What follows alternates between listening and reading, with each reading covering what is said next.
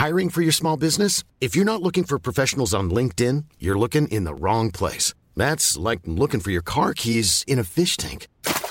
LinkedIn helps you hire professionals you can't find anywhere else, even those who aren't actively searching for a new job but might be open to the perfect role. In a given month, over 70% of LinkedIn users don't even visit other leading job sites. So start looking in the right place. With LinkedIn, you can hire professionals like a professional. Post your free job on linkedin.com slash people today. There's never been a faster or easier way to start your weight loss journey than with PlushCare. PlushCare accepts most insurance plans and gives you online access to board-certified physicians who can prescribe FDA-approved weight loss medications like Wigovi and Zepbound for those who qualify. Take charge of your health and speak with a board-certified physician about a weight loss plan that's right for you. Get started today at plushcare.com slash weight loss. That's plushcare.com slash weight loss. plushcare.com slash weightloss. Før vi går i gang i dag, så tror jeg vi må snakke litt om regnskap. Du tenker at det er kjedelig, men regnskap er det viktigste av alt for en næringsdrivende. Hvis du har kontroll på det, så er det det, det største tingen du kan gjøre for å lykkes. Og da må det være lett. Fordi at det er vanskelig. Det er absolutt vanskelig. Og du trenger et bra, bra program.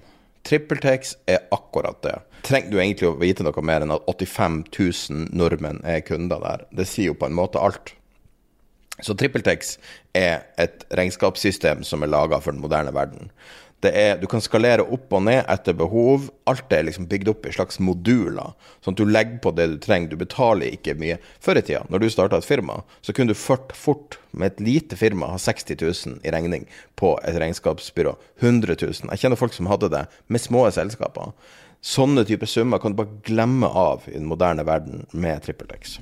Så med TrippelTex får du alt i ett system. Du har én innlogging, ett passord. Så har du regnskap, lønn, timeføring, årsoppgjør, eh, prosjekter, reise, utlegg. Alt sammen, alt som har med penger å gjøre, er putta inn i ett system. Og så er det det at veldig mye av det her slites med regnskap. For regnskap oppleves jo for veldig mange som en belastning. Det blir lett. Et typisk ting er føring av bilag er lett via app. Du bare tar bilde, du har automatisk innsending. Masse måter å gjøre bilag på uten en eneste kalori brukt. Du bruker ingenting tid på å punche. Årsoppgjøret er utrolig enkelt i det store og det hele uh, er det her et lett produkt å bruke. Hvis du har lyst til å prøve TrippelTex, så kan du få uh, 14 dager gratis prøve på trippeltex.no gratis. Og det staves trippel, altså T-R-I-P, L-E-T-E-X.no gratis. They mistook leverage for genius. Leverage for genius. I would recommend Japan. The governments don't rule the world. Goldman Sachs rules the world. Velkommen til episode 202 av podkasten 'Tid er penger', en podkast med Peter Warren. Jeg heter Sverre og er produsent, og i dag er det vel egentlig ett tema, egentlig to, men det er stort sett én ting som alle bryr seg om. Det er bank. Det har vært stor uh, OK, bailout, ikke bailout. Um, i USA. Og vi kommer til å gå gjennom det fra forskjellige vinkler. Vi måtte nesten ha en episode som ikke hadde, var så strukturert og planlagt, så vi går litt fram og tilbake for å prøve å ha mest mulig oppdatert informasjon. Eh, ellers så skal Peter snakke litt om Statkraft-bonusene til slutt, og så skipper vi egentlig markedet, for markedet er det som skjer her og nå. Det er maks usikkerhet, fiks over 30. La oss gå i gang, episode 202. Ja. Det er spenstig marked i dag, og når det siste vi gjør før vi starter, er å prøve å finne ut hva vi skal kalle det som skjer nå. Er det her ei bankkrise? Det er ikke finanskrise, i hvert fall. Men uh, noe er det som skjer, og det har jo vært um, det har vært ei veldig spesiell helg, og for unge investorer så har du kanskje ikke vært med på så mange sånne helger der man venter på asiatisk åpning. Og, og um, det var mye nervøse folk i Silicon Valley, mye nervøse milliardærer som var veldig opptatt av statlig, statlig hjelp, og det har de fått. Uh, skal vi da starte litt Skal vi starte på toppen, hva som skjedde, eller hvordan vil du starte, Bidde? Ja, altså vi kan, uh, For det første så fikk vi jo et varsel om dette her i slutten av, av forrige uke, slik at man var ikke helt sånn uforberedt. Eh, på hva som skjer, på, på, hva som skulle skje, eller i hvert fall at det var eh, problemer med Silicon Valley Bank. Og så så vi jo igjen i, i forrige uke at dette det spredde, spredde seg fort. altså Bankaksjer var betydelig ned både i, i USA, også de store, store bankene. Um, men det påvirket også Europa. Og indikasjonene vi har nå før åpning, det er jo at flere mindre banker, og med mindre så mener jeg ikke at nødvendigvis at de er små, men det er ikke de bankene som er kritiske, altså sånn, altså sånn to big to fail-banker, er ned 50 og 60% Ja, og USA er jo et land med veldig mange banker. Historisk har jo hatt et fragmentert bankvesen. Eh, altså Opprinnelig var det jo hver bank hadde sin egen valuta. Ja. Så eh, det er litt sånn eh, eh, Det har ikke, ikke mista helt det forholdet tilbake, men uh, sånn som det er nå, så er det jo veldig sentralisert rundt de hva det blir, de fire store, de fem store, litt avhengig av hvordan du mm. definerer stor. Men, men, du har jo veldig mange banker som er fortsatt er store, som da begynner å få problemer. Og denne banken, Silicon Valley uh, Bank, som ingen hadde hørt om utenom Silicon Valley, tror jeg, før det her skjedde, det var ikke en mye omtalt bank, eh, annet enn kanskje Men allikevel uh, USA 16. største, tror jeg. Mm. Ja. Det er litt sånn som kinesiske byer. Har, de har ti millioner innbyggere, du har aldri hørt om dem. det er sant. Det er helt sant. Um, vi kan ta det av altså Første gangen vi omtalte noe i det her uh, um, segmentet, var vel um, Silvergate før jul. Så vi mm. stilte litt spørsmål om uh, kvaliteten der, men det hadde jo ingenting med det her å gjøre. Så det var, det ingen seiersrunde på det. Og Silvergate ble jo stansa i forrige uke, og har vel uh, så vidt jeg vet, ikke blir handla, eller uh, Altså, der er kroken på døra. Mm. Uh, I en eller annen form. uh, og så kom det her Så vidt jeg kan skjønne, så skjedde det via sladder. Og det starta med en tweet, som veldig mange ting starter med nå. Så ut fra det vi kan se, så starta denne spesifikke situasjonen med Silicon Valley Bank med en tweet fra en som heter Burn Hobart den 23. februar, uh, som er nesten en måned siden. Og da skrev han et nyhetsbrev. Uh, jeg har aldri hørt om han før nå. Han er en middels stor Twitter-bruker, men han har veldig mange, 48 000 abonnenter på sitt nyhetsbrev. Og han advarte mot uh, assetene til Silicon Valley Bank og sier at de er technically insolvent og levered 185 til 1. Og uh, den her, det her nyhetsbrevet nådde ikke uh, utenfor Utenfor liksom det tette spacet som er Silicon Valley. Uh, og, og, det dukka ikke opp på min radar og på din radar eller noen sin radar, tror jeg, før da i forrige uke. Og så vidt vi kan se, så var det ei melding fra det veldig kjente fondet som heter Founders Fund, som er Peter Thiel sitt mm. fond som sendte ut et varsel til sine eh, til sine altså, selskaper, porteføljeselskaper, der de sier de må advare dem mot å bruke Silicon Valley Bank eh, om å flytte pengene. Og det vi har hørt, da, er at eh, venturekapitalister rundt og, og, og, folk som eier selskaper rundt i hele Silicon Valley, fikk de her meldingene ganske umiddelbart. Så på torsdagen så var det full helvete for å flytte ut penger, og de fikk flytta veldig mye penger. Jeg leste en del sånn uh, minutt for minutt hva som hadde skjedd, folk som oppsummerte. Det var vel 24 eh, milliarder dollar på et døgn, var det ikke det? Uh, imponert at de klarer å flytte såpass mye, som, uh, som er et sunnhetstegn. Men hvis jeg husker riktig, nå har jeg ikke den foran meg akkurat nå, men basert på totale asset, så er det ganske nært deres cashbalanse. Jeg tror det var 30 mm. milliarder i cash, hvis jeg husker fra den oversikten. Men jeg vet ikke om det er før eller etter den forflyttinga. Men uansett, de hadde veldig mye mm, langsiktige eiendeler som de skulle sitte med til forfall, som er litt sånn stridens kjerne her. Og så har det her spredd seg over helga, og Signature Bank, en annen bank ingen hadde hørt om, som også var ganske stor, eh, blir også da stansa av amerikanske myndigheter. Og søndag kveld noen, hva det var, en halvtime etter asiatiske åpninger, aller første tingene begynner å trade, så kommer bekreftelsen om at innskuddene over 250 000 dollar FDIC-grensa er garantert av staten.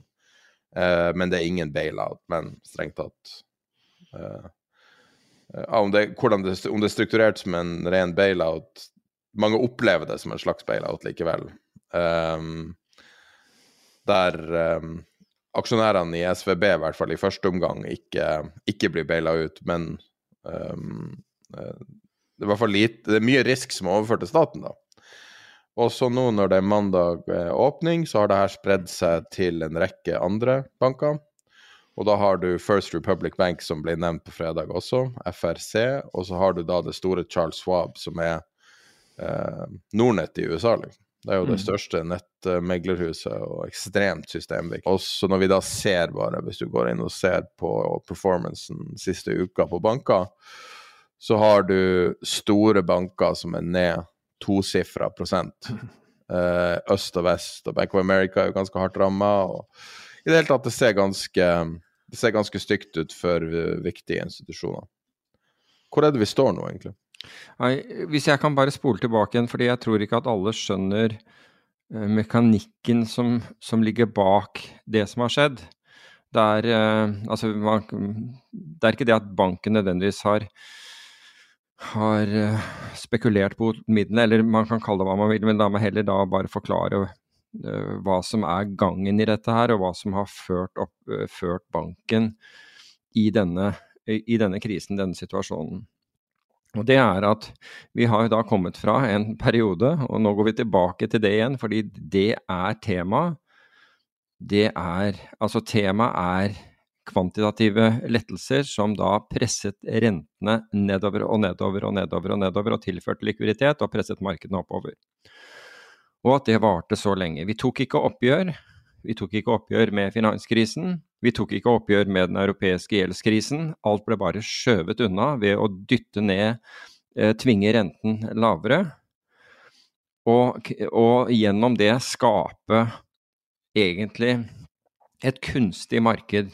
Altså et marked som, ikke fungerte på markedsmessige prinsipper, altså tilbud og etterspørsel, men som var myndighetsstyrt. Så hvordan, hvordan eh, rammer det den, denne banken? Jo, det som, eh, det som har vært tema for veldig mange banker, er at de gjør såkalte carry trades. Det er det banker lever av. De låner inn kort, plasserer langt. Og når jeg sier at de plasserer langt, så betyr det at, at de har da korte innlån, altså innskudd fra, fra, kunder, og så plasserer de det gjennom å låne pengene ut, f.eks. på fem år, ti år, 20 år og 30 år som, som man gjerne gjør i, i, USA. Så det er egentlig utgangspunktet. Og hvis vi går tilbake igjen til, til uh, sommeren 2020, august 2020, uh, 2020 altså da, da, dette her gikk på for fullt pga. covid og alt mulig sånn, så var det jo nesten ingen rente å få i USA. Altså, den var bortimot null rente i i bankene. Men du kunne kanskje få 0,05% så la oss si at man, man, betalte det.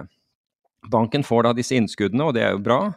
Men så har da bank, banken ønsker jo å tjene penger på innskuddene. Og hvis ikke de har noen kunder som da automatisk vil låne dette til, til, til høyere, og de får, de får uh, mye innskudd, hvilket var tilfellet her, for det, fordi på dette tidspunktet så emitterte jo både i 2020 og 2021 så, så emitterte, altså hentet eh, selskapene, kundene til eh, Silicon Valley Bank og mange andre banker, hentet inn voldsomt med penger.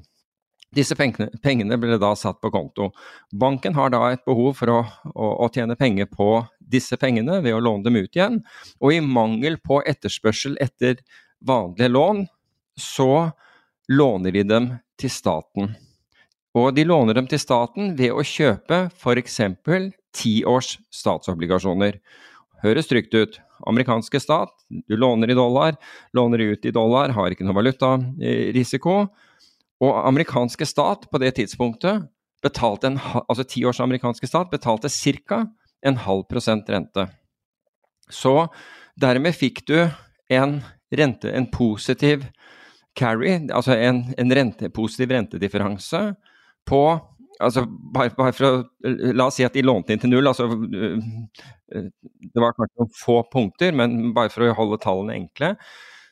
Så tjente de da kanskje en halv prosent i året på, på disse innskuddene. De lånte dem inn til rundt null, lånte de ut til en halv prosent. Det er grunnlaget for hva som skjer. Og dette driver banker med hele tiden. Låner inn kort og plasserer langt. Og Så kan banker sikre dette gjennom swap-avtaler, og det gjør de aller fleste, i hvert fall de store, store banker, gjør det som en del av sin risk management, men de hedger ikke én til én. Så vidt jeg har sett, i hvert fall foreløpig, så er det lite hedger i denne Jeg har ikke sett noen, for å si det på den måten. Det er ingen som har påpekt at her finnes det swap-kontrakter som, som, hedger denne, denne risikoen hvis, hvis, rentene flytter seg i forhold til hverandre. Og det er nettopp det som skjer. Fordi når vi kommer til enden av 2021, så har, har da allerede eh, obligasjonskursene begynt å falle, altså rentene på lange obligasjoner har begynt å stige og de stiger gjennom 2022, som vi vet, fordi da faller eh, obligasjoner kraftig. Da faller disse kraftig, og nå, man, og nå har man et problem. Fordi innskuddsrenten øker, altså amerikanske sentralbanken setter opp renten, og det betyr at banken må sette opp innskuddsrenten men fordi du har kjøpt ti års statsobligasjoner, eller 20 eller 30, de har sikkert uh, alle, alle, disse forskjellige forfallene, så er det som at du har lånt inn flytende og plassert fast. Så det hjelper deg ikke at statsobligasjoner, at renten på ti års statsobligasjoner går fra en halv prosent til 4% Det hjelper deg ikke, fordi du har låst inn en halv prosent. Og det som skjer, er at innskuddene dine, og, og, og, som de aller fleste har fått med seg, så inverterte den amerikanske rentekurven slik at korte innlån fikk høyere rente enn langinnlån. Det er en invertert rentekurve. Normalt sett er den andre veien. Og den blir da så dramatisk at man må betale nesten 5% for innskudd, og så har du plassert dette til en halv prosent. Så banken taper 4,5% i året på denne handelen, og kan ikke gjøre noe fordi de har, disse, de har kjøpt disse obligasjonene. Med andre ord, de har plassert det. Det er, som, å, det er som fastrente utlån. De kan ikke gjøre noe med det. Og så kan du si at hva betyr det? Jo, det ene er at det betyr at mark to market, altså hvis du skulle da beregnet verdien av obligasjonene de har, så er den dramatisk mye lavere. Og så er det sikkert de som tenker ja, men hvorfor gjorde de ikke det, må man ikke gjøre det? Nei, man må ikke gjøre det med den delen av porteføljen som man, som man har definert som at man skal holde til forfall. Så her, antageligvis han eh, Twitter-analytikeren som du nevnte, han har antageligvis regnet seg frem til nettopp hvor stor andel denne banken altså Silicon Valley Bank, har på sin balanse hvor mye den eier av disse statsobligasjonene, og, og det latente tapet. Og så, tenk, så, er det sikkert noen som ikke fulgte helt med i, i fjor, som tenker hvor, hvor, hvor, stort kan det tapet være på statsobligasjoner? I fjor alene så var, det, så var de ned 17% Og det ville vært mark to market. Så hva er problemet her? Jo, problemet er da at når Peter Thiel da sender ut, på basis av den analysen antagelig, til sitt nettverk og sier at dere burde trekke ut pengene, så er det jo det som skjer. Da mister banken innskudd. Og alt banken da har, er motposten til innskuddet. Og den blir da tvunget til å realisere dette, fordi de, de må jo få betalt penger tilbake. Slik at en obligasjon som de hadde egentlig tenkt å holde til forfall, og som er ned la oss si 17% eller kan, eh, kan være mer, må selges i markedet. Og da går det fra å være usynlig i balansen for alle som ikke virkelig studerer balansen og forstår hvordan dette, dette virker og, og, og, kan se den mulige faren, til å bli synlig på dagen. For nå må banken ut og realisere disse og ta tapet. For hvis de nå holder informasjon tilbake, så er det jo, så er det jo kriminelt. Så det kan den ikke gjøre. Så de går rett og slett, altså pga. det tapet de har, så har de problemer med å tilbakebetale uh, innskyterne sine. Fordi de får så store uh, uttrekk. altså Som jeg nevnte, det var 24 milliarder dollar i løpet av et døgn. Og da har de problemer med å, å, tilbakebetale, og da må de begynne å fortelle disse du kan ikke få det i dag, du kan kanskje få det i morgen. Og så begynner problemet. Og heri ligger det store problemet. Og dette er en bank Nå husker jeg ikke, jeg mener er det, er det ca. Er det forvaltningskapital Det er et eller annet sted mellom 200 og 250 milliarder dollar, mener jeg, som gjør om du er under eller over en sånn terskelgrense. Er du under den, altså har du med andre ord en balanse som er mindre enn ja, la oss, la oss, bare bruke det høyeste tallet, 250 milliarder dollar, så har du lettere Så er reguleringen eh, mindre for, for, deg enn om du er over. Og hva er logikken bak det? Jo, for de som er over dette, denne, denne terskelen, de, kan, de blir ansett som systemkritiske banker. Med andre ord banker som er too big to fail. Hvor staten vil måtte komme inn, eller vil sannsynligvis komme inn og redde dem. Og Derfor så er de bankene regulert eh, hardere enn da banker som har mindre, eh, mindre forvaltningskapital. Så her, denne her lå, på, lå under uh, under denne terskelen, uh, uansett hva den, den terskelen er. og det kan være at jeg, ja, at jeg, jeg tror det er 50 milliarder. Du tenker på seksjon 165 av Dodd-Frank? Nei, det er ikke den jeg tenker på. Det er ikke For den regulerer uh, Den har en threshold uh, på 50 milliarder ja. dollar. Ja, det er ikke den. Det er, det er ikke den, for det er, det er, vesentlig større enn det. det er vesentlig, men jeg kan ta feil at, at Jeg mener at det ligger i 200, mellom 200 og 300-draget dette, dette, dreier seg om. Um, og 50 milliarder da, ville være for lite fordi, uh, på denne. Men i hvert fall Jeg tror det kan det stemme at det er fire forskjellige nivåer? 50 til 250, 250 til 700, 700 pluss. Ja, vet du hva, det, der, ja, det, kan nok stemme. Det kan nok stemme. Jeg, jeg, jeg er ikke helt inne i reguleringen, men, men, det høres riktig ut i intervallene du nevner. Så det høres, det høres fornuftig ut. Men poenget da er at banken har ikke likvide midler til å tilbakebetale til, uh, til innskyterne. Og pga. at de må realisere tapet. altså Tenk deg du har kjøpt en, en, statsobligasjon for 100, og nå må selge den for 83. Så har du rett og slett Altså så er tapet ditt så stort, siden, er, siden banken i seg selv er giret. Balansen til banken er, er belånt. Slik at du, har, at, at du rett og slett ikke har pengene. Og det er grunnlaget for det vi ser med denne banken. Det er det som er det bakenforliggende. Så det er rett og slett a carry trade. Og det er jo en ting man ofte advarer investorer mot å gjøre, fordi det er, det er, det er skjulte risik, risiki forbundet med det. Sånn som likvid, likviditet, eller at du mister den ene siden av handelen, som man gjør i dette tilfellet, hvor, hvor innskuddene blir borte. Um, så man advarer da uh, investorer mot å gjøre det, men det er egentlig det banker lever av eller skal leve av. Før så levde de av det pluss vanvittig spekulasjon i verdipapirer i tillegg.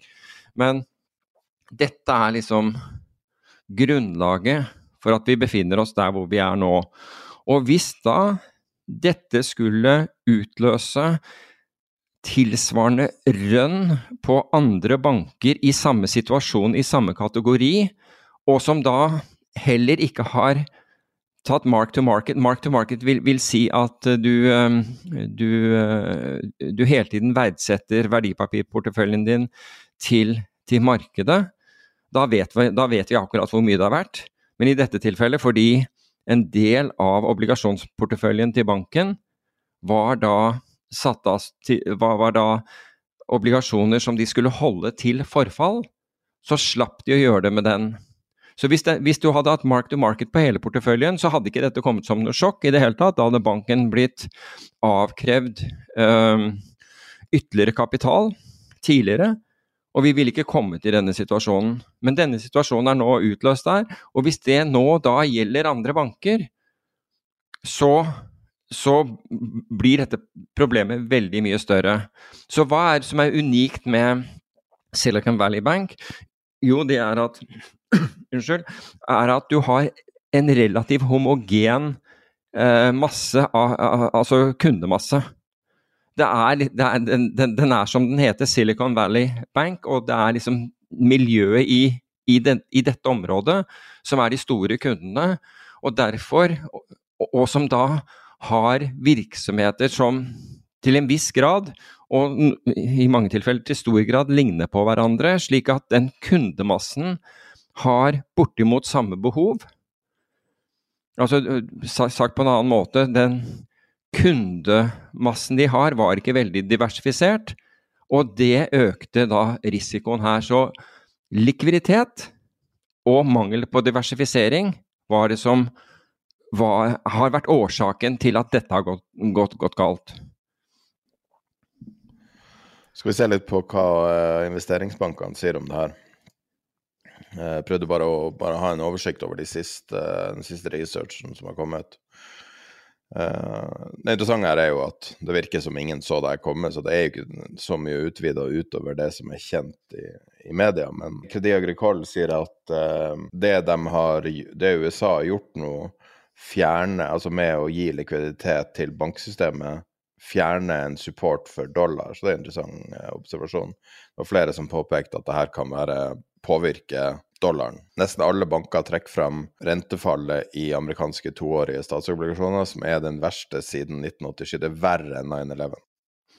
Ja, altså, den er, det Verre kommer an om, om, om, om, hvilken side du er på det. Det er mange som, som, ønsker dette rentefallet velkommen og vil si at det er det beste som har skjedd siden, eh, siden 87. Eh, det er et større fall enn det var på 9-11, eh, men det er fortsatt ca. halvparten av Black Monday i 1987. Og det betyr, bare så det, det er sagt, det betyr at obligasjonene stiger i kurs.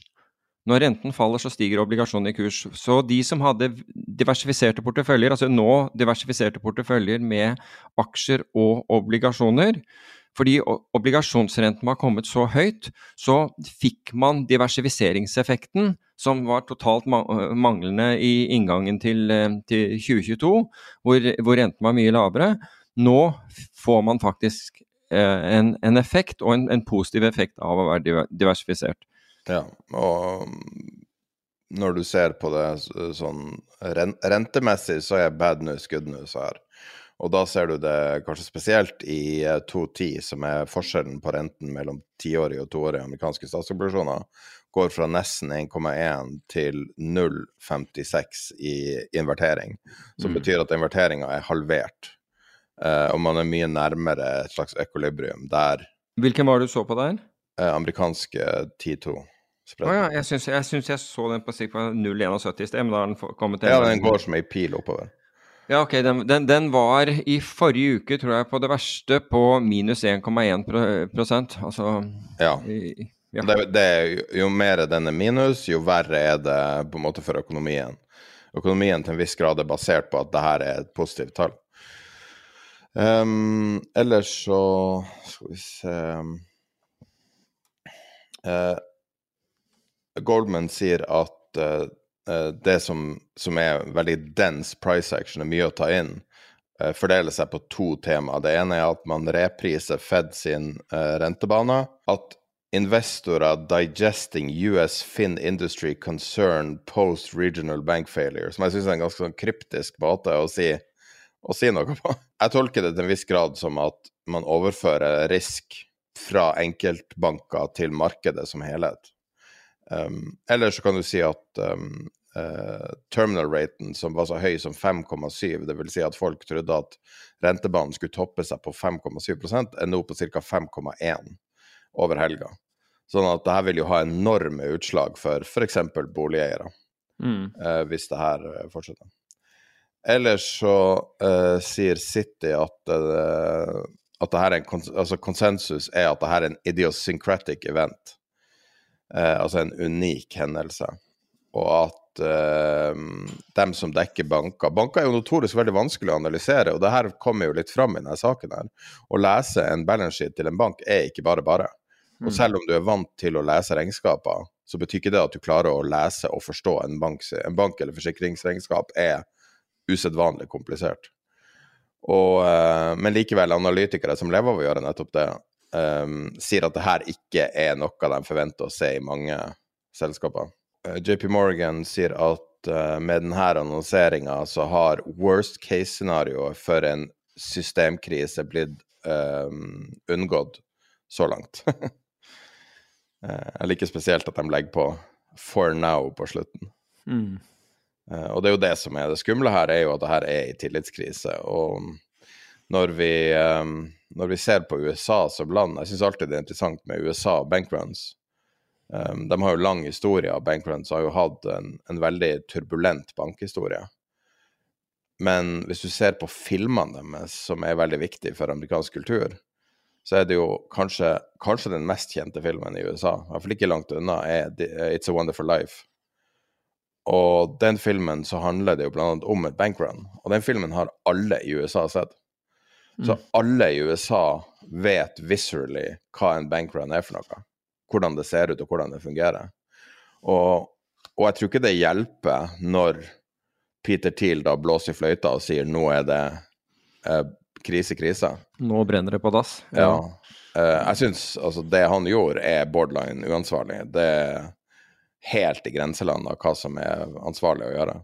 Men selvfølgelig, han må jo beskytte seg sjøl og sine og sine mm. assets, men likevel, å gjøre det med den posisjonen han har, var ganske ekstremt. Men det i hvert fall det uh, man har sagt da fra amerikansk administrasjonsside, eller fra, fra Finansdepartementet, sentralbanken, er at de, slik jeg har forstått det altså I USA så har du 250 000 dollar eh, innskudd som er beskyttet av, eh, av en føderal forsikring. Men slik jeg har oppfattet det, så sier man når det gjelder denne banken, fordi vi vet ikke noe, no, noe mer foreløpig, det er den man forholder seg til. Og signature. Og signature, unnskyld. Uh, at man vil gjøre folk whole, altså med andre ord at innskyterne vil få tilbake pengene sine. Og jeg tror du innledet med det. altså Hva som skjer med aksjonærene, vet vi ikke. Men de vil gjøre eh, de vil sørge for at innskyterne får pengene sine tilbake igjen. Og det er klart at det er kjempeviktig i dette, fordi det er, det er, Altså alle de bedriftene som da har og enkeltpersoner for den saks skyld, men som har da puttet penger i denne banken, altså som har pengene sine stående i denne banken, vil, vil bortimot slutte å opphøre, altså, i, altså virksomhetene deres, som følge av at de ikke fikk tilgang til, øh, til pengene sine. Og dermed så ville krisen Altså det ville gå som ild i, i tørt gress, og, og, det samme ville ringvirkningene fra, fra det. Slik at uh, Det sier man at man, man vil gjøre. Og så sier man samtidig at det ikke er en bailout. Vel, kall det hva du vil. Jeg vil jo nesten kalle det en bailout, men det, men det vet vi jo ikke før sluttsummen er blitt gjort opp på dette. Men hvis, men hvis, vi kan ta et skritt tilbake fra denne situasjonen vi befinner oss i, så er det nøyaktig Altså, ingen peiling på Altså da, da vi spilte inn uh, forrige episode, ingen peiling på at dette her lå og At liksom lunta var tent på, uh, på dette. Men det vi så, og det vi mente, var at risiko var undervurdert. Både økonomisk risiko, finansiell risiko, geopolitisk risiko, var ikke uttrykt i finansmarkedene i øyeblikket. De, de oppførte seg, og dette likegyldig i forhold til risiko. Og det er da det er så typisk at du får det. Og det er så det er, De aller fleste forsøker hele tiden å peke på hva som er de nøyaktige risikofaktorene, i håp om at de skal, skal kunne avsløre og være forberedt på, på når, når the proverbial shit hits the fan. Men det er umulig å gjøre. Det er umulig å gjøre, fordi det kommer alltid fra Eh, fra, en, en, vinkel som du ikke forventet. Jeg forventet ikke altså jeg, at Silicon Valley Bank Jeg hadde riktignok hørt om banken, Jeg visste ikke at den var, var USAs 16. største, jeg ante ikke at den var så stor. Um, men at det skulle komme derfra, det, slikt vet man ikke på forhånd. Selv om du er på en måte uh, har, har ansiktet plantet i liksom finanslitteratur og, og, og nyheter hele tiden. Så dette er Jeg kan ikke si det er helt sort svane, fordi hadde det vært en sort svane, så, så ja, det, det, er sort svane i, i forhold til likegyldigheten som har vært. Selve eventen er vel en sort svane, men hele uh, Hele strukturen rundt er jo så svak. Så det, det, er ikke en sort svane at det kommer nå. Timinga er ikke Nei, og, og så er det det at nå har folk tjent så vanvittig mye penger på å være short volatilitet, med andre ord på å, være, på å innta rollen som forsikringsselskap. Enten i form av uh, type obligasjoner de har kjøpt, altså risikofylte obligasjoner. altså Ta high yield-obligasjoner hvor du har fått en veldig lav, lav risikopåslag. Altså, du er, nett, du er, short volatilitet når du går og kjøper deg en, en, en high yield-obligasjon. Eh, rett og slett fordi alt du kan, best som skjer, du får tilbake pengene dine, og du får, og, og du får tilbake med renter. Verst som skjer, er at du taper hele, hele, hele innskuddet ditt. Um, mens du er ikke nødvendigvis short volatilitet når du, når, i aksjemarkedet, for det, det, kan gå begge veier. Det kan gå, faktisk, det, du er på en måte long volatilitet, fordi det kan stige mye mer enn enn en det faller. Men hele markedet har inntatt en sånn short volatilitetsordning med kortsiktig finansiering, eh, illikvide eh, investeringer, f.eks. eiendomsinvesteringer. Ikke noe galt i eiendomsinvesteringer, men de er ikke likvide. Jeg kan bare nevne altså det, Vi har tatt opp den, det eksempelet med Blackstone og den, den finske, det finske fondet som de satte opp med, med, med næringseiendom. Altså da, da, investorene innløste og begynte å innløse dette, dette, dette fondet fordi de ble, var engstelige for, eh, for utviklingen på næringseiendom, så forsøkte da Blackstone som er en av verdens mest kjente forvaltere. De forsøker da å selge noen av disse eiendommene så de får frigitt cash, med andre ord likviditet, så de kan betale ut investorene. De får ikke ett bud. Det er ikke som noen byr 5% eller 10 under, det, det, den, under den forrige transaksjonen. Det kommer ikke inn et one single bid. Og sånne ting er helt undervurdert, og folk er short volatilitet. Og ikke minst, også det har vi sett i opsjoner, trykket ned volatiliteten mer og mer. Folk er short. Og så skjer noe sånt som dette. Og på fredag så hadde vi jo eh, Russell 2000 var vel ned 3,5% på, på, på det verste. Nasdaq var ned godt over 2 og jeg husker ikke hvor mye SMP var ned, men liksom vi begynte å se litt bevegelser. Det er ikke trivelig når du er short volatilitet, det kan, det kan jeg love deg. Og, så det er så mange ting her som er helt avhengig av, av likviditet. Og forrige uke, kan jeg bare skli litt ut på, på, på siden, for vi snakket om dette i, i forrige uke? Ja, ikke spør meg. ja, disse, disse, disse eh, nulldagersopsjonene, altså null DT, uh, eh, zero days to expiry-opsjonene, uh, som det har vært så enormt volum i. Og, og vi, vi, diskuterte det forrige gang, og jeg sa at det er avhengig av hvor Altså hvem det er som har shortsiden her. Hvis det er sterke hender, altså veldig godt kapitaliserte øh, institusjoner som er de som utsteder dem, så er det vesentlig bedre enn om det er, øh, om det er øh, aktører som, som ikke har store finansielle ressurser bak seg.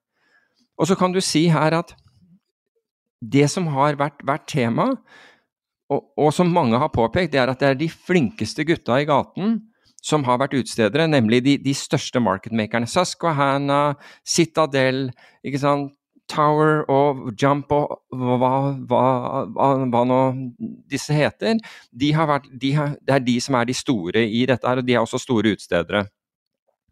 La meg da bare si at når disse har behov for å hedge seg, så hedger de seg fordi altså hvis, hvis, uh, hvis the public, altså hvis uh, de, de, fleste investorene ønsker å kjøpe disse op opsjonene, så får ikke de kjøpt opsjonene tilbake billigere, altså de, de som er marketmakere, men de går og hedger seg i det underliggende future-markedet.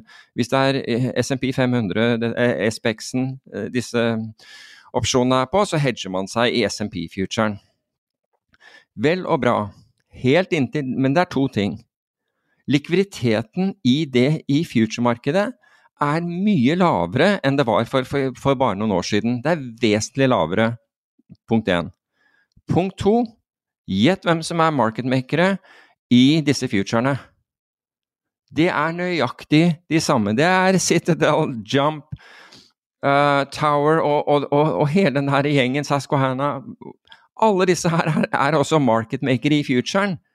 Så det ender med at den ene desken kjøper av den andre desken, men, men det betyr ikke at risikoen på selskapet blir, blir, blir borte. Så vi er, en, vi, er, vi, er, vi er, i en veldig sårbar situasjon. og Derfor er det også viktig at myndighetene gjør det de kan da, innenfor, innenfor sitt mandat for å få dempet den situasjonen som er nå. Fordi hele systemet er veldig sårbart.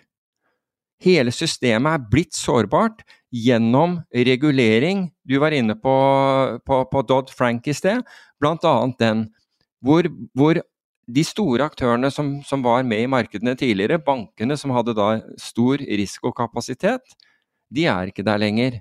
Og dette er overlatt til high frequency-tradere som ikke blir sittende med inventar. De har ikke tenkt å sitte på store posisjoner over natt, de har ikke tenkt å sitte på dem i mer enn mikrosekunder hvis de kan, hvis de kan la være.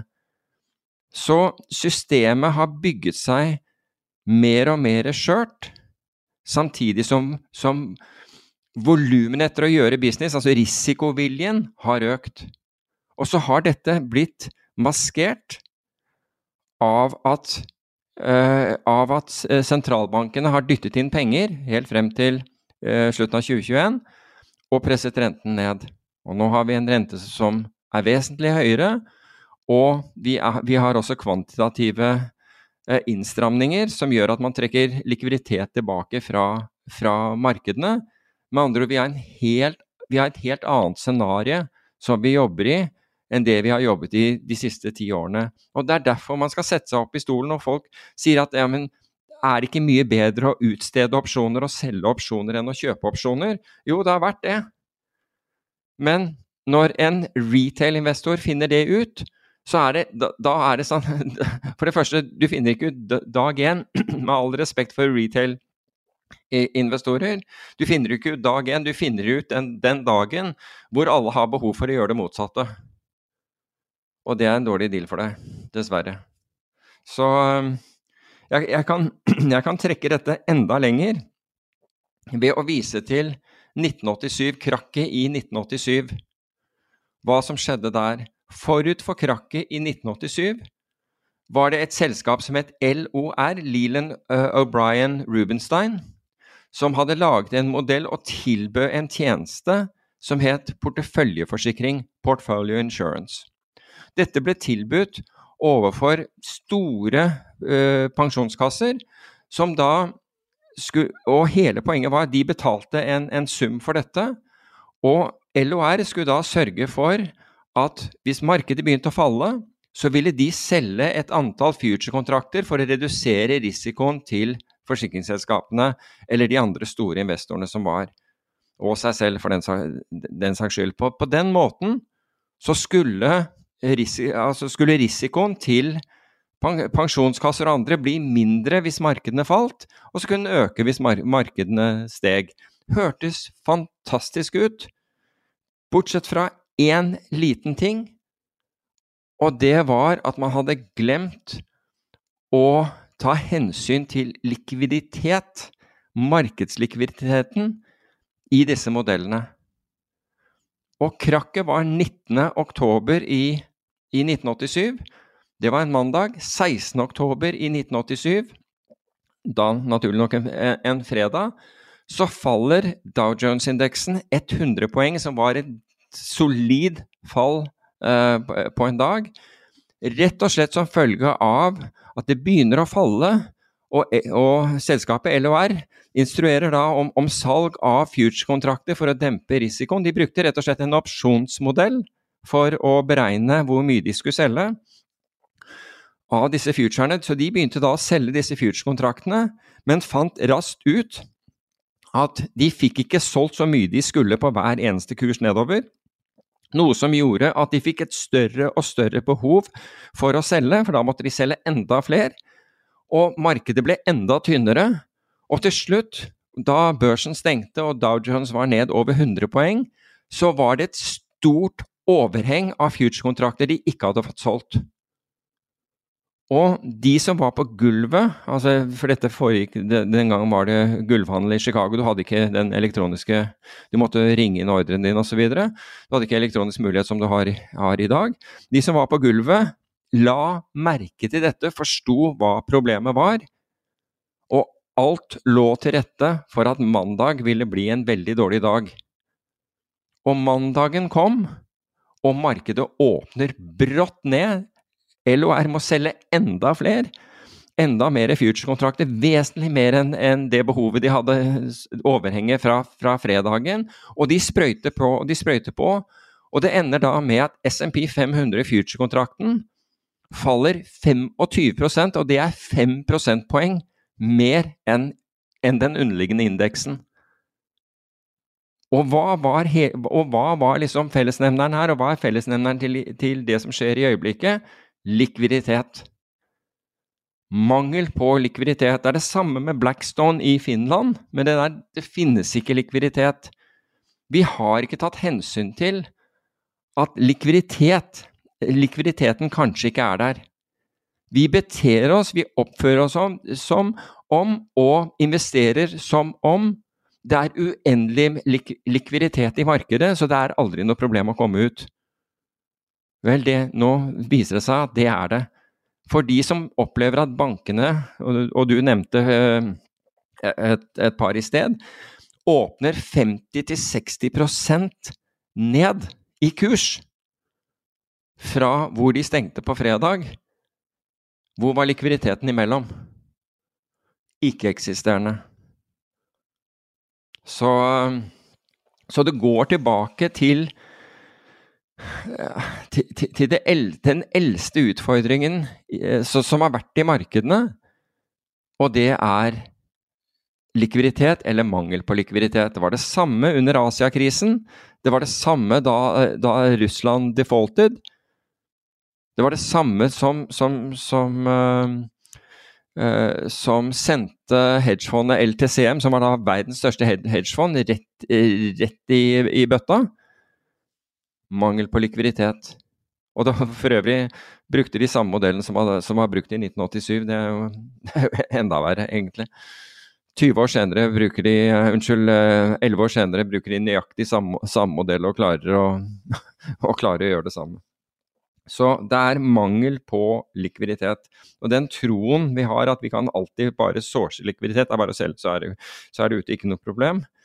Så enkelt er det ikke. Og vi har bygget innretninger som Og fordi vi har følt oss modigere og modigere mens sentralbanker har holdt på å presse renten ned og tilføre likviditet, så gjorde at vi følte oss modigere og modigere. Vi tok større og større posisjoner fordi noen andre egentlig tok risikoen. Forsikret oss på, på en måte. Og det er jo det egentlig det man håper at skal skje nå også det er at den føderale regjeringen, altså, altså USAs regjering, eh, eller amerikanske myndigheter, skal komme inn og redde dette markedet. Redde det fra å bli, bli eh, verre. Og, og det, det, slo meg på måling da jeg drev og tenkte, tenkte over dette her, at hvis det er slik at investorer egentlig er forsikret ved at myndigheter alltid griper inn og, og forhindrer dem å, å tape penger, da bør, da bør man revurdere revurdere eh, hele, hele, strukturen, nemlig at hvis det er slik at kundene, altså investorene, er forsikret, da bør de jaggu betale en forsikringspremie også. Fordi det er jo ikke rett og rimelig, som, var, som skjedde i 2008, og som skjedde i 2011, og da, da, sistnevnte er da den europeiske gjeldskrisen, at skattebetalerne, som ikke har hatt noe, noe glede av, av oppgangen, altså, andre, altså, vanlige skattebetalere som ikke har, har finansformuer og har, har, glede av det, skal være de som betaler for dette her i gilde uten å få noe igjen for det. Skal de være forsikringsselskap, så burde de få burde de bli betalt for å være forsikringsselskap. Altså du, du får ikke forsikret bilen din uten, uten, å, å, uten å betale premie. Sitt bare og se på markedet mens du snakker. Jeg vet at du du sitter ikke med markedet foran deg, jeg sitter jo med markedet foran meg. Og, mm -hmm. eh, nå Rentefutures priser eh, terminal raten til 4,8 nå, nesten en full prosentpoeng ned fra rett før helga. Altså, det sier jo alt hva det her er. Ja, altså jeg, jeg, er jo fristende til å si mine på den, liksom at jeg, at jeg vil gå mot den, men, men Ja, Mer QE eh, er jo det de tolker det her som. Ja, og du kan si at hvis man begynner med det nå QE by another name, liksom. Ja, it's not a bailout, it's not a bailout. Nei, nettopp, ikke sant? Altså. Da har vi en fin tittel. It's not I, a bailout. I, I, dare you I dare you say the word bail, bailout again, ikke sant? And, uh, uh, fra Pulp Fiction. Um, Altså, jeg Jeg tenker på han i uh, hva er det, Rain Man. Nei, jeg tenkte på Samuel Jackson i, i, i Jeg vet det, men uh, it's not a bailout. Definitely not a bailout. Fra Rain Man. ja. Men, men poenget, poenget her er at hvis du nå hvis du nå gjør det, hvis du nå snur om altså det, Jeg er enig i, med deg i hva det rentemarkedet priser inn. Det priser jo inn at man kutter, kutter renter allerede i år. Og hvis du begynner med, med det kjøret der, så tror jeg inflasjonen går totalt ut av kontroll. Og det Det er verre, altså. Det er verre. Så et, et visst oppgjør her, det tror jeg kan være en, en, fordel. Og jeg håper Men nå har du dette her med nærme deg amerikanske valg, og det kan mye skje. altså. Så, ja, det er jo en veldig stor faktor. Jeg har tenkt på det der. Ja, det der er, det der, det er som å gå Altså, det, De er villige til å gjøre hva som helst for å holde økonomien i gang i to år. Det skal jeg love. Ja, nettopp. ikke sant? Det er som å For det at økonomien er jo det som avgjør ethvert valg. ikke sant? Og det her valget her føles litt viktigere ut enn tidligere valg. Du vet at det er kvikksand foran deg, og med, og med en tåke akkurat kommet rullen inn. ikke sant? Det er ikke fristende å gå ut i det der. Det er betimelig, det som skjer. altså. Men det man har gjort i England, det er jo at HSBC har, uh, har kjøpt uh, Silicon Valley Bank UK, uh, tror jeg den het, for én dollar eller et eller annet sånt. Men det er jo en helt annen enhet, så jeg vet ja, ikke om det er relevant. Ja, ja, altså. absolutt. Men hvis du går til hva som skjedde i USA altså under, under finanskrisen Washington Mutual gikk jo over ende, og der reddet man alle innskyterne, mener jeg. Temmelig sikker. Jeg, mens IndieMac er jeg litt usikker på, men Washington Mutual, som var på en måte en, en, en ganske stor um, bank, den der mener jeg at staten gikk inn og, og reddet, um, reddet innskyterne. Reddet innskyternes penger. Det var kanskje JP Morgan som overtok banken. Ja, en gratis opsjon på, på, på skattebetalerne, det, det, er ikke fair. Det er, så enkelt er det. Men det Jeg hadde et spørsmål til deg, da. Som ikke sikkert du kan svare på. Hvorfor er grensa den samme i USA og i Norge, og hvorfor har man satt en grense på innskuddsgarantien, som er ganske lav? Nei, Det vet jeg faktisk ikke, uh, men jeg tror at i Norge ja, det, det, er jo et retorisk spørsmål. Det er jo selvfølgelig, for mm. man kan ikke man kan ikke zoome all risken. Så da, da er det jo kommunisme. Mm. Da, er jo, da, er det jo, en statsbank, egentlig, som, som Ja. Sånn at uh, Men det jeg lurer på da, er Skjønner amerikanske myndigheter helt hva de har gjort nå? Fordi at you can't get a little bit pregnant. Neste bank som kollapser, kan de ikke ignorere. Mm. Hvor langt er de villige til å strekke det? Sånn at i dette tilfellet så lurer jeg på uh, skjønner man bare hva man har gjort. Eh, amerikanske ettårige CDS-en er nå på 89. Det er over hele finanskrisa. Mm. Jeg tror ikke de skjønner hva de har gjort. Men altså at, de, at USA skal defaulte på dette her, det har jeg vondt for å tro, men uh... Nei, ikke det, men altså, de er jo midt oppi et helvete allerede med mm. gjeldstaket mm. og politisk ustabilitet. Ja, det kommer på et dårlig tidspunkt i forhold til det, det er ingen tvil om. Det er jeg enig i. Det, det, det er ingen tvil om. Nei, så Men det blir spennende å se hva, hva de gjør. Men men lærdommen her Altså, jeg tenker at det er mange som, som nok har mer mer risiko eh, på, på, bøkene sine enn de burde ha. Som har vært helt overbevist at enten at de skulle ta igjen tapet fra i fjor Tenk deg det tapet som har vært i krypto. Altså ja. det tapet De pengene bare altså ja, men krypto gjør det brukbart ut av dette her, så det, det ja, ja, det er jo fordi at uh, en, en, Nå har jo krypto blitt backstoppa av staten. En av de store aktørene i SVB var, hadde jo sine innskudd nettopp i um, Altså en av de store innskuddene i SVB var jo en uh, stablecoin. Ja. Sånn at uh, nå har staten backstoppa en stablecoin, og da indirekte backstoppa bitcoin. Så ja, OK. Ja, det kan være at det, det er Mm, ja. Så det er ikke så rart at det går bra med bitcoin. Nei, jeg, jeg, så faktisk ikke det, men det er, det er godt, godt, observert. Godt, godt observert. Jeg, tenker, jeg, lurte, jeg, lurte, faktisk på hvorfor den uh, hvorfor, uh, hvorfor, det steg som det gjorde. Men uh, det er jo selvfølgelig en god grunn.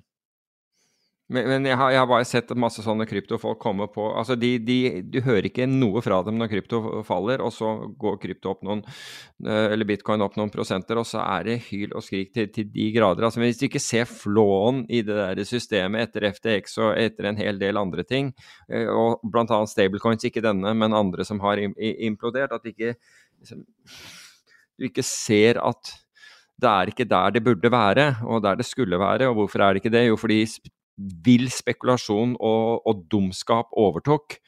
Uh, fra, fra, hva jeg syns i hvert fall var en opprinnelig god idé uh, uh, fra, fra, starten av. Så, så, klarte man liksom å spenne ben på seg selv der også. Så, så jeg tror ikke man skal ta seiersrunden liksom, for at Fiat redder, redder stablecoin. Det ville være litt merkelig. Jeg vil argumentere med at at det fallet vi så i fjor, fortsatt ikke var et reelt fall. Og nå ser vi jo, med en gang noe begynner å gå galt på et systemnivå, så skyter viksen i været. Viksen er over 30 nå før åpning.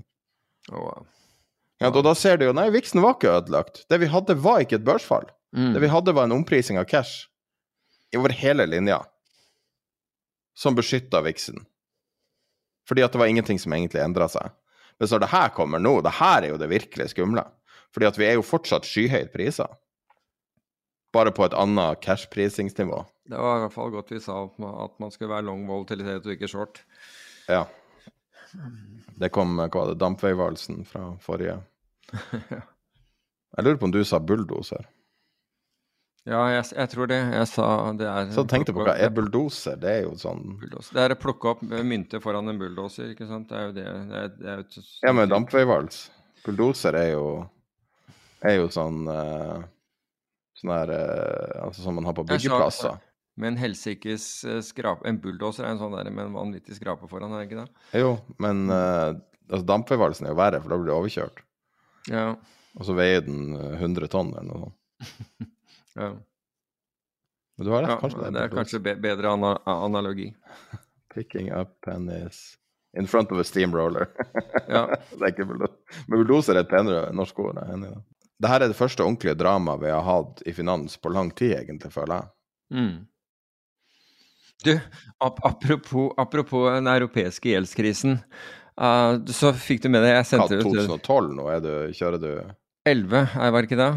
Men det spiller ingen rolle. Men altså snak, Du, grekere er langsinte, altså. Det skal du ikke undervurdere. Hæ? Varoufakis, som da var finansminister en kort periode der, han ble, han ble banka opp i forrige uke. Det var han? han av ja, ja, jeg var jo heldig. Jeg, jeg, møtte, han i, jeg møtte han i Oslo for, for, noen år siden. Det var Sektor uh, Asset Management som hadde sin, sin dag, og, og, han var bl.a. invitert til å snakke. Ja, ja og, og han, han, snakket godt for seg på, og fortalte da liksom om, om diskusjonene med Lagarde, og det var ve veldig interessant.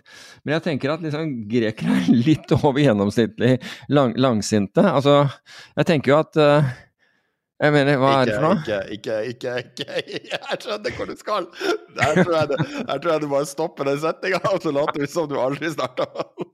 Du, er du gæren? Ikke gjør det. ikke gjør det. Jeg skjønner hvor du vil. Please, ikke gjør det.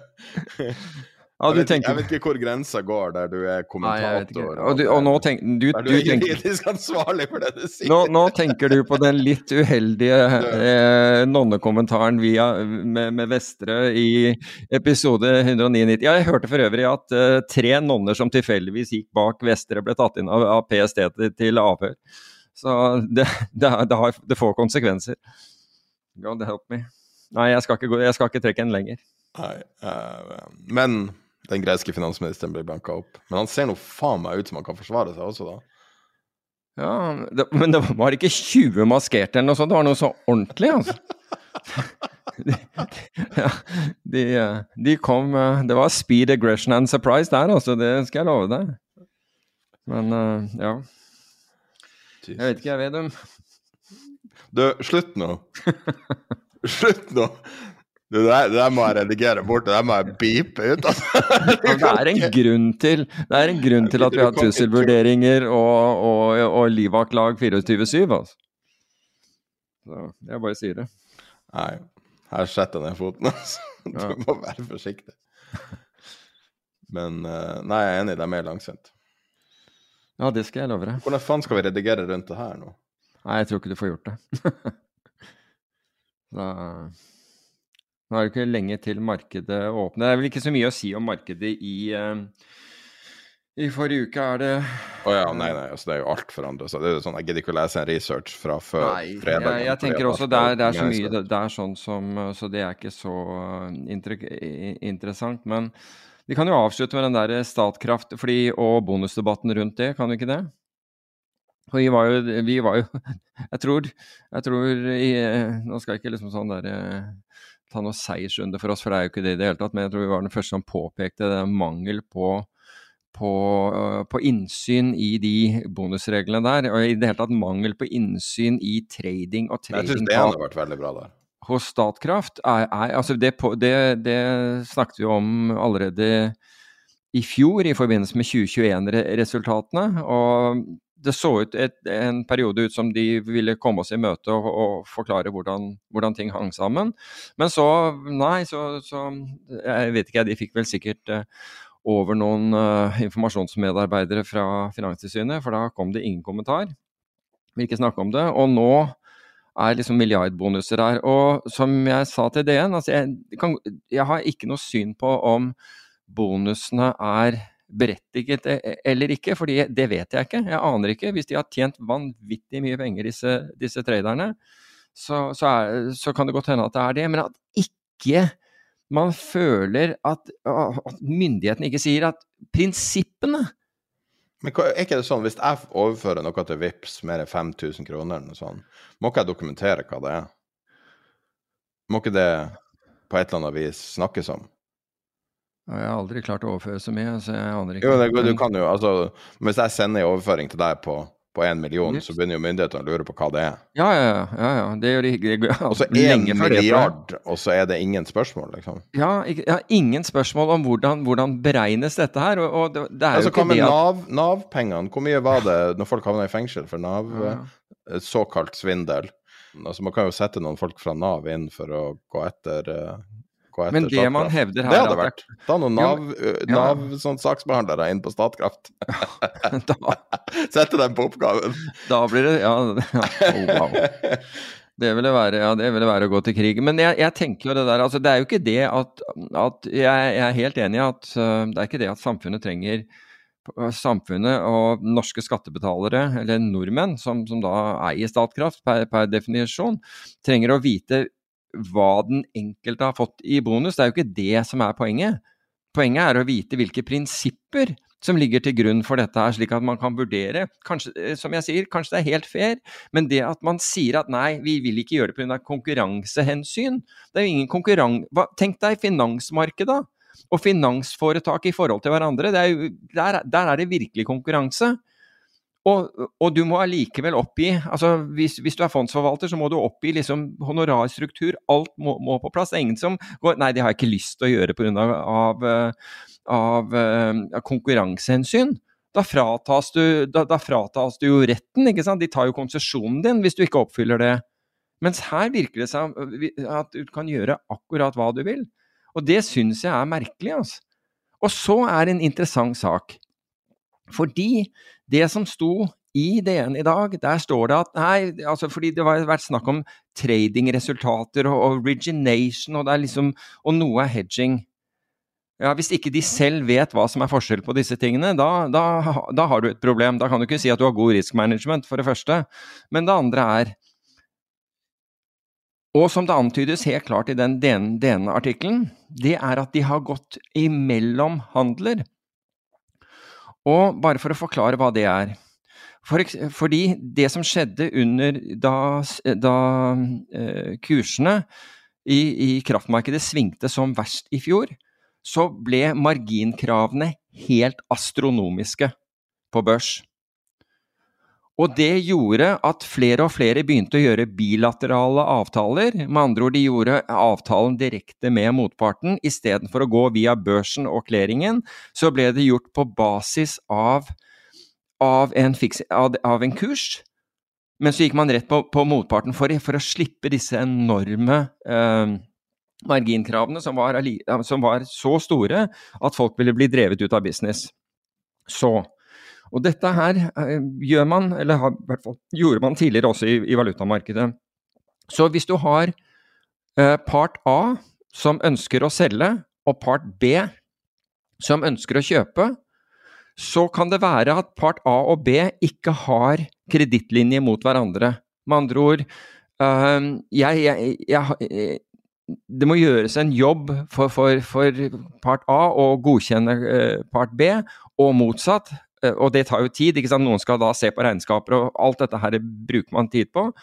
Slik at de, de ønsker å handle med hverandre, men de kan ikke gjøre det pga. motpartsrisiko, fordi den, den, ikke er avklart. Altså, de har ikke det vi kaller kredittlinjer mot hverandre. Det som du da kan gjøre, er hvis part, du har en part C som har kredittlinje mot begge disse, både A og B, så kan du kan part A selge til part C, som da selger den videre til part B. Blir det der for komplisert, eller, eller klarte du å følge meg? Det blir en trekant ikke sant, hvor én går imellom. Og den som går imellom, den, den opptrer da enten som bank eller clearinghus. Fordi nå tar den, den, den påtar seg motpartsrisikoen til A, som den allerede har klarert at den kan gjøre, og motpartsrisikoen til B, som den allerede har klarert at den kan, kan gjøre, fordi de kjenner hverandre.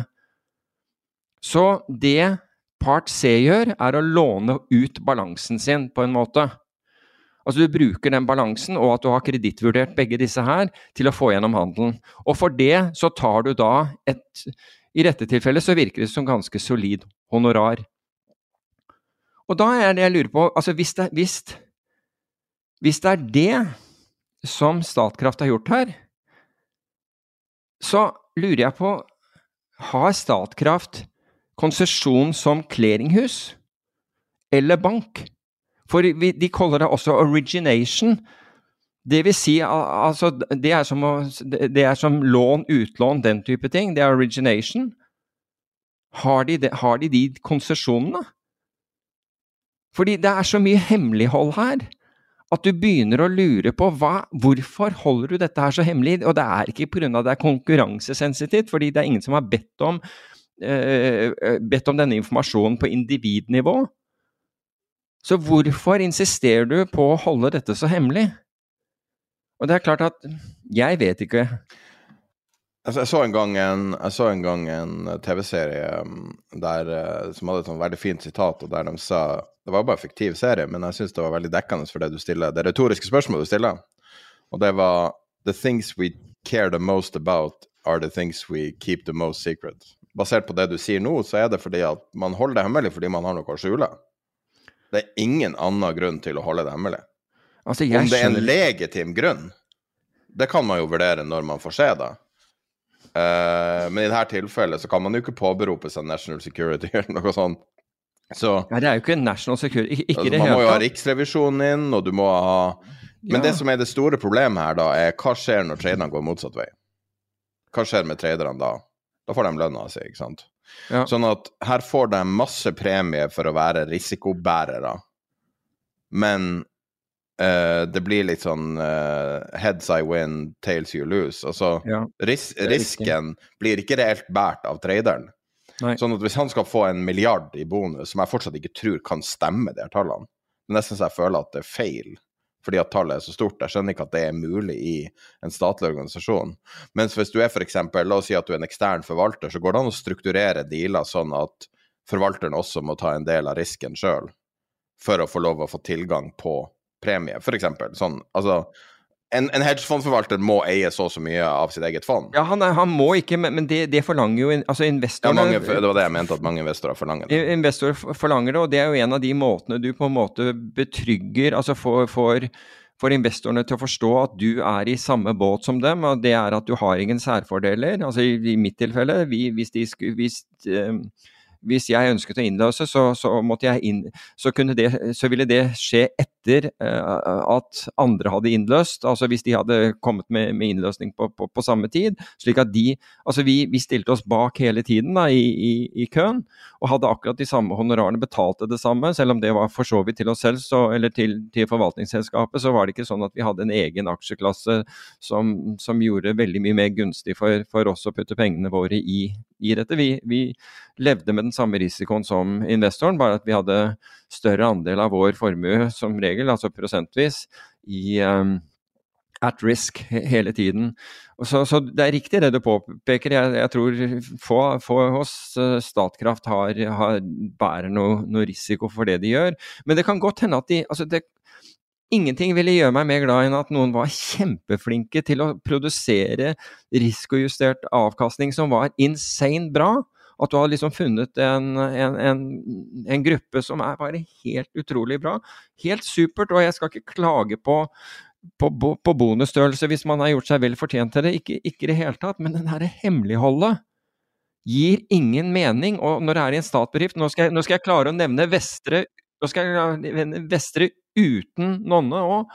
Og at liksom Hvor er han hen i dette her, da? Han som har liksom sytet og klaget og ingen skal tjene og Argentum og den biten der hvor hele administrasjonen eh, endte med å gå. Og så har du plutselig milliardbonuser her, og ikke en pip kommer fra ham.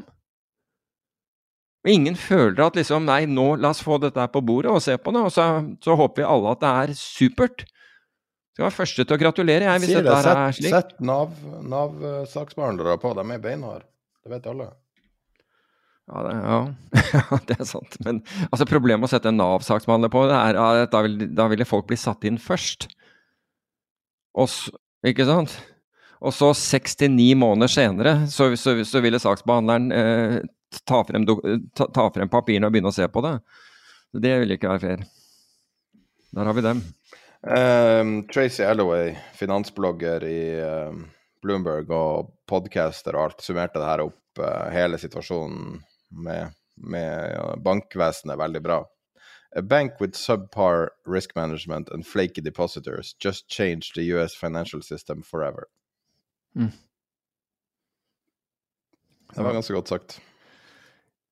I natt, eller klokken 11, fordi USA åpnet jo en time tidligere enn en, en vanlig, de har jo skrudd klokka der borte, så dro jo altså Da, da var jo markedet opp 1% umiddelbart, og i løpet av ja, 30 minutter så var det opp 2% Nå har den offisielle starten, og nå, nå bare fikk jeg en flash på telefonen, nå, nå er vi ned 1% Så fra Asias åpning i dag til akkurat nå, så er det da en 3 eh, fall på på, på amerikanske future-kontrakter.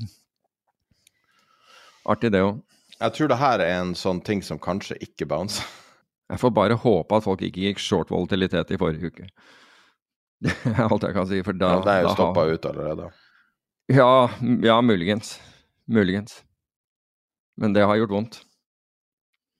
Men vi får uansett håpe at alle får en, eh, får en eh, god uke, og at verden vil bestå. Det, det tror jeg på.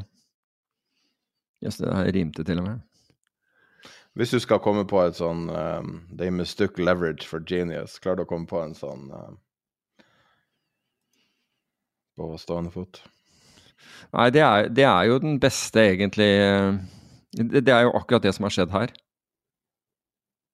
Det er jo akkurat det som har skjedd her. They mistook leverage for, for, for genius. Hvis du sier at denne banken hadde 185 til 1 leverage, så Sier han analytikeren, jeg vet ikke. Er, Ja. Som sagt, det er uh, Vi støtter jo på det problemstillinga med analyse. Det skulle gjøre egen analyse. Så bare hvor i faen starter vi for å gjøre det? For å gjøre en objektiv bankanalyse? mm, Fordi at banker er så satans komplisert.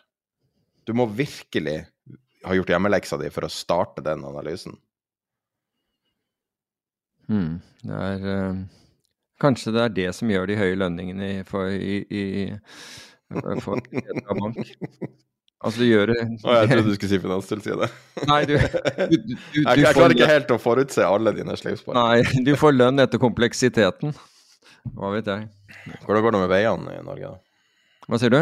Hvordan er veistandarden i Norge? da? Veistandarden? Vil du at jeg skal begynne på den igjen? Kan ikke du være med på hytta i um, påsken, så kan vi kjøre opp, jeg og du. Så kan vi kjøre opp E6, så kan du få se hvordan veistandard kan være. Ja, Jeg tror ikke du er helt forberedt på veistandarden i uh, Midt- og Nord-Norge. Nei, det, det er mulig, men hvis du kommer deg gjennom Oslo uten å miste noen plomber, så er det jo godt gjort, det òg. Altså. Nå prøvde jeg bare å egge Johan. Men uh, du får kanskje komme deg i gang med tradinga og tjene penger. Prøve. Det skal gjøre mitt beste. Da er vi tilbake eh, om ei uke, og hvis vi har noe å komme med på Patron, så kommer vi denne uka. OK. Tusen takk for at du lytter. When your skin feels nourished and glows, you radiate confidence. Osea makes giving your skin a glow up easy with their clean, clinically proven Mega Moisture Duo. This seaweed powered duo features two of Osea's best sellers, Undaria Algae Body Oil and Undaria Collagen Body Lotion. Glow from the inside out. Get 10% off your first order with code GLOW at OseaMalibu.com. That's O S E A Malibu.com code GLOW. When you make decisions for your company, you look for the no brainers. And if you have a lot of mailing to do, stamps.com is the ultimate no brainer. It streamlines your processes to make your business more efficient, which makes you less busy. Mail checks, invoices, legal documents, and everything you need to keep your business running with stamps.com. Seamlessly connect with every major marketplace and shopping cart. Schedule package pickups and see your cheapest and fastest shipping options from different carriers. With rates up to 89% off USPS and UPS rates. And with the Stamps.com mobile app, you can take care of mailing and shipping wherever you are. Make the same no brainer decision as over 1 million other businesses with Stamps.com. Sign up with Code PROGRAM for a four week trial, plus free postage and a free digital scale. No long term commitments or contracts. That's Stamps.com. Code PROGRAM.